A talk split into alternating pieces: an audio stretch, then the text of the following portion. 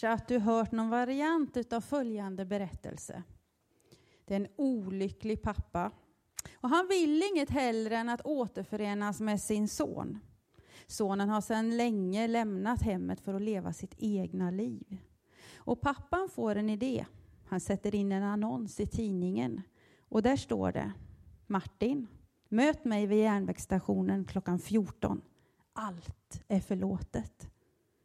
Dagen efter stod närmare hundra män med namnet Martin och väntade på sin pappa. En berättelse om att det är inte så lätt med relationer. En berättelse om att vi kanske skulle vilja det där förlåtet. Men det är så svårt. Och vi längtar på olika sätt efter att återfinnas. Att få tillbaka det som har gått förlorat. Det här är ju en påhittad berättelse.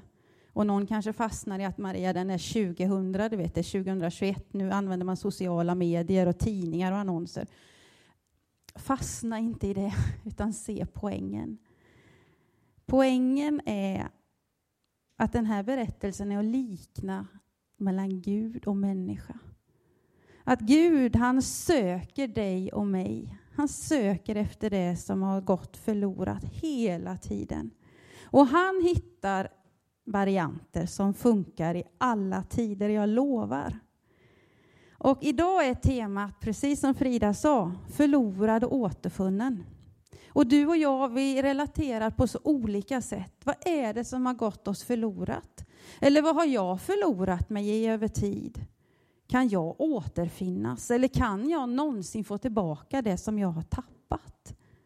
Frågorna kan bli många och vi kan stapla dem på varann.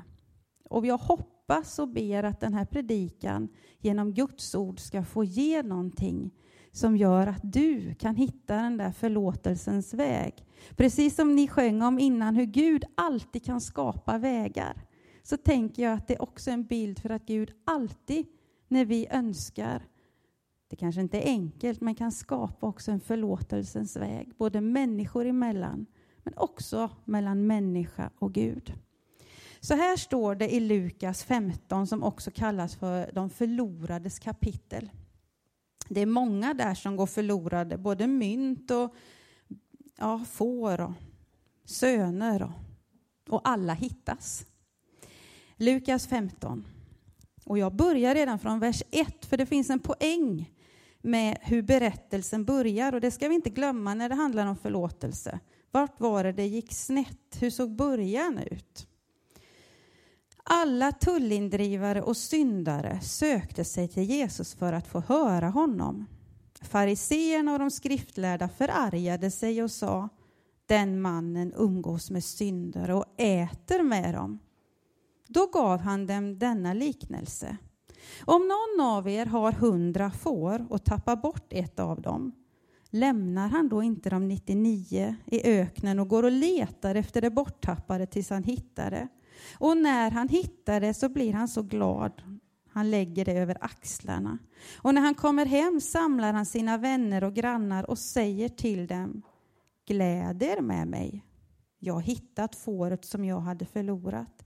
Jag säger er, på samma sätt blir det större glädje i himlen över en enda syndare som omvänder sig än över 99 rättfärdiga som inte behöver omvända sig. Kontexten börjar med att det är människor som finns kring Jesus. Några som gärna lyssnar och några som förargar sig. De som lyssnar är de maktlösa. Det är de som inte har så mycket egenmakt. De förstår att här gäller det att hålla sig nära Jesus, att lyssna på vad det är han säger. De som har mycket makt, fariseerna, de är inte lika angelägna om att lyssna. De hittar kryphål och sticka till. De ifrågasätter och undrar. Och det är i den kontexten som den här berättelsen kommer. Den gode herden i kontrast till den herde som gör ont. Hundra får, ett kommer bort, den gode herden lämnar allt för de 99. Poängen är att han inte ger sig iväg eh, bara för att han måste, utan för att han vill. Och han ger sig inte förrän han har funnit det. Han har uthållighet som få. Och när han finner det så bär han det på sina axlar.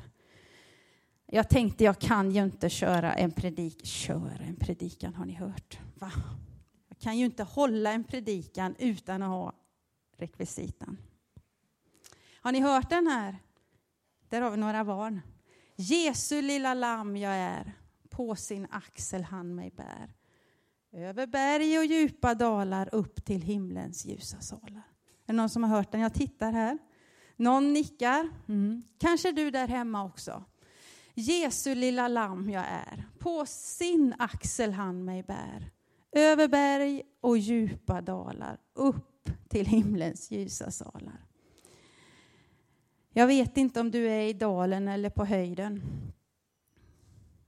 Och jag vet inte om du känner dig som det här precis. Men det jag vet är att det finns en Gud som vill bära oss igenom, som vill älska oss tillbaka till sig. Jesus han har också med i berättelsen vikten av att hålla glädje, att hålla fest, att glädja sig och känna frälsningsglädje, både för egen del men också för andra som återfinns. Och då tänkte jag på mig själv. Hur glad är jag i Gud över att jag är frälst? Hur många dagar på året tänker jag tack Jesus att jag är frälst? Att jag är räddad? Att du har hittat mig? Ja, du kan ju fundera hur det ser ut för dig. Jag vet hur det är för mig. Och har vi lätt att glädjas över andra? Ja, den där frågan utmanar också i texten. Den här berättelsen om fåret skulle du och jag kunna välja bort och tänka den är avlägsen Maria. Det är så söndagsskola över allt det här nu så du vet, hur funkar det i våra liv? Här sitter vi nu och funderar på det ena och det andra. Ja, det är då jag tänker att vi faktiskt också får ta spjärn ifrån texten och fundera på vart vi går förlorade. Jag tror att många av oss som finns här i salen men också där hemma kanske redan går med Gud men vi har förlorat oss ut med vägen i olika sammanhang och saker. Och det är där jag vill stanna till en liten stund. Vad är det att förlora sig, att gå vilse, att gå bort sig? Ja, det kan ju vara att man hittar någonting som liksom upptar en så som man tappar kursen. Helt plötsligt blev jag sittande här med sociala medier en timme och glömde något annat. Helt plötsligt så blir det viktigare att dricka rosévin och sitta här än att göra något annat, ringa det där telefonsamtalet. Helt plötsligt så blir det viktigare att gå ner och handla på stan än att besöka min vän. Jag kan tappa bort mig i ganska mycket. Jag kan tappa bort mig i mig själv. I att jag är så viktig så att det jag känner och tycker och tänker det är ju bara det som upptar hela mig. Jag kan försvinna in i hälsotrender, ombyggnationer. Ja, det här lockar oss alla. Saker som kanske inte är dåliga i sig självt, men som vill ta över. Och när de tar över så kan vi förlora oss själva i dem. Låt den här texten hjälpa oss att hitta tillbaka till den där Gud som står där så kärleksfullt och säger att jag har någonting att ge dig. Förlåtelse, en ny chans, en ny innerlighet i det som är ditt liv. Uppenbarelseboken 3 berättar om när Jesus står och bultar på dörren. Den har ni säkert sett, den där bilden av hur Jesus bultar. Och han bultar ju inte egentligen till en enskild persons hus utan till en hel församling i Laodikeia. Men bilden kan man också använda till sig själv. Jesus står och bultar och han öppnar inte dörren. Han kliver inte på om man inte själv har öppnat inifrån. Orden till Laodikeia är just det här att det är en församling, det är en plats, det är en bostad. för så mycket gott. Jättevackra textilier i ull och ylle. De var kända för sin läkemedelstillverkning och sitt medicinska kunnande. De kunde så mycket i sig själva. Och de hade fått så fina gåvor. Och det var inte problemet, utan problemet var att de liksom trodde att det var det enda. Att de inte behövde Jesus, att de inte behövde Guds ord för att få rena vita kläder, för att få ögonsalva som berättelsen handlar om. Texten utmanar oss. Vem är först i våra liv? Det är inte fel att ha olika saker, att ha många omsorger, men vi behöver veta till vem vi går ytterst. Och den här berättelsen om fåret vill hjälpa oss att visa på den gode herden som söker oss och som vill hjälpa oss när vi går vilse. Vad kan man gå vilse som kristen? Jag har fått höra visserligen att vilse kan vi inte gå, men vi kan ta omvägar. Och kanske att det är en bättre bild. Att vi går inte bort oss helt och hållet, för en vilse är ju någon som är, oj, det är ingen som vet vart den är. Men som kristen kan man ta en väldig omväg när man går bort sig eller förlorar sig. Så kom ihåg att du är inte utanför Guds omsorg. Men det kan liksom kosta på när vi fastnar i eller när vi liksom tappar riktningen och tappar bort oss själva. Jesus frågar sina lärjungar vid ett tillfälle, vem säger ni att jag är? Och den frågan är väldigt relevant, tänker jag. Vem säger du att Jesus är? För är Jesus någon som kanske inte är fullt ut god, varför ska du då slå följe med honom? Men om Jesus är den gode herden, som det står om i Johannes 10, som ger sitt liv för fåren, då är det värt att hålla sig nära honom. Vi har en bild hemma på en tavla med en Jesusbild där Jesus då ska rädda det här lilla fåret. Och han stretchar sig så långt som man tänker, men kära Jesus, jag får ju hjälpa dig liksom. Han håller sig så långt ut bara för att nå det där. Och jag tänker att den där bilden är så, så betydelsefull. Jesus han stretchar sig långt för dig och mig. Han når oss när vi är där borta. Och vi tänker att det finns ingen som kan liksom orka med en sån som mig nu. Han är en Gud som inte ger upp. Det är också ett tema i den här berättelsen. Den gode herden slår följe med honom, för han vill skapa möjligheter för förlåtelse både mellan människor och mellan oss och Gud. I Jesaja 40 och 11 som ett sista bibelord står det, som en herde vallar han sin jord. Han tar upp lammen i sin famn och han bär dem i sina armar och han driver tackorna varligt. Det finns en omsorg och en ömhet när Jesus sträcker sig efter oss. Vet vi på vem vi tror? Vet vi till vem vi går när vi känner att vi har gått bort oss? Jag hoppas det, för Jesus vill leva nära och han bultar och undrar vad sätter du först i ditt liv? Jag har haft förmånen att ha några vigselsamtal nu när det börjar bli lättare. Pandemisammanhang igen. Och då när man övar med vigsel brudparet eller brud, blivande brudparet så pratar vi om att när ni böjer knä här och när ni är här framme så ska ni hålla varandra i handen hela tiden. Ni behöver inte hålla handen så, men rör vid varandra. Håll ihop och stå inte där framme som om ni ska gifta er och jag kör mitt race och du kör ditt. Utan visa bildligt att ni finns här. Och när ni sen ska vända er och gå ut igen så vänd er inte ifrån varandra utan vänder emot varandra. Är ni med? Och så pratar vi om vad de där bilderna betyder och jag tänker att även om vi inte ska gifta oss just nu så vill jag skicka med den här bilden. Lev så tillsammans med Jesus.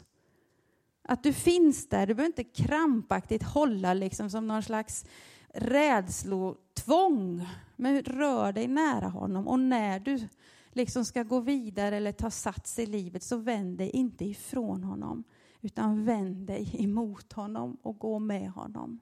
Han är på din sida. Och som Micke Jonsson sjunger i en fantastisk sång som du kan lyssna på som heter, eh, ja vad heter den nu då? Han väljer dig, tror jag den heter. Det handlar om det i alla fall, hur Gud väljer oss gång på gång. För det som är förlorat, för det som tappats bort bort, lämnar han allt. Ingen väg är någonsin för svår eller lång. Han väljer dig varje gång. För den som tappat hoppet, för den som gett upp, lämnar han allt. Han har en väg och ingen väg är någonsin för svår eller för lång. Han väljer dig varje gång. I Faderns famn blir allting helt. Ta med dig det in i sommaren. Amen. Jesus, vi tackar dig för ditt ord som berör oss, som på något sätt kan få oss att ja, få den där längtan tillbaka till dig. Kan ge oss hoppet att vi kan få återerövra det som liksom har gått oss förlorat. Av tillit kanske, av hopp och förtröstan, av livsmod och glädje. Tack att vi kan få hämta hos dig, Herre, så mycket av det som vi behöver. Och tack att du aldrig ger upp på oss, utan du stretchar dig för våran skull, Herre. Du söker oss i det som är och du vet vad det är som lockar oss till att förlora oss bort, Herre, ifrån de rätta prioriteringarna. Hjälp oss när vi är i så mycket av det som är livet, Herre, som också vill beröva oss tid med dig, Herre, och tid med medmänniskor, Herre, som visar på ditt rikes bästa. Tack att du inte dömer oss framför allt, utan du vill hjälpa oss. Du ger oss handen, Herre, för att rädda oss och frälsa oss. Och hjälp oss att också leva i den glädje som det är att få tillhöra dig och att vi också förstår hur våra liv skulle vara om vi inte hade dig, Herre. Det är lätt att också ta dig för givet, Herre. Så låt oss den här sommaren få bära närheten till dig som en viktig markör för vilka vi vill vara, Herre. Förlåt oss när vi går vilse. Ja, eller hur var det nu? Tack för att vi inte går vilse, Herre, utan att du följer upp oss, Herre. Och i de där omvägarna vi får gå så vill du också hjälpa oss att hålla kursen, Herre. Så tack för det, Herre. I Jesu namn. Amen.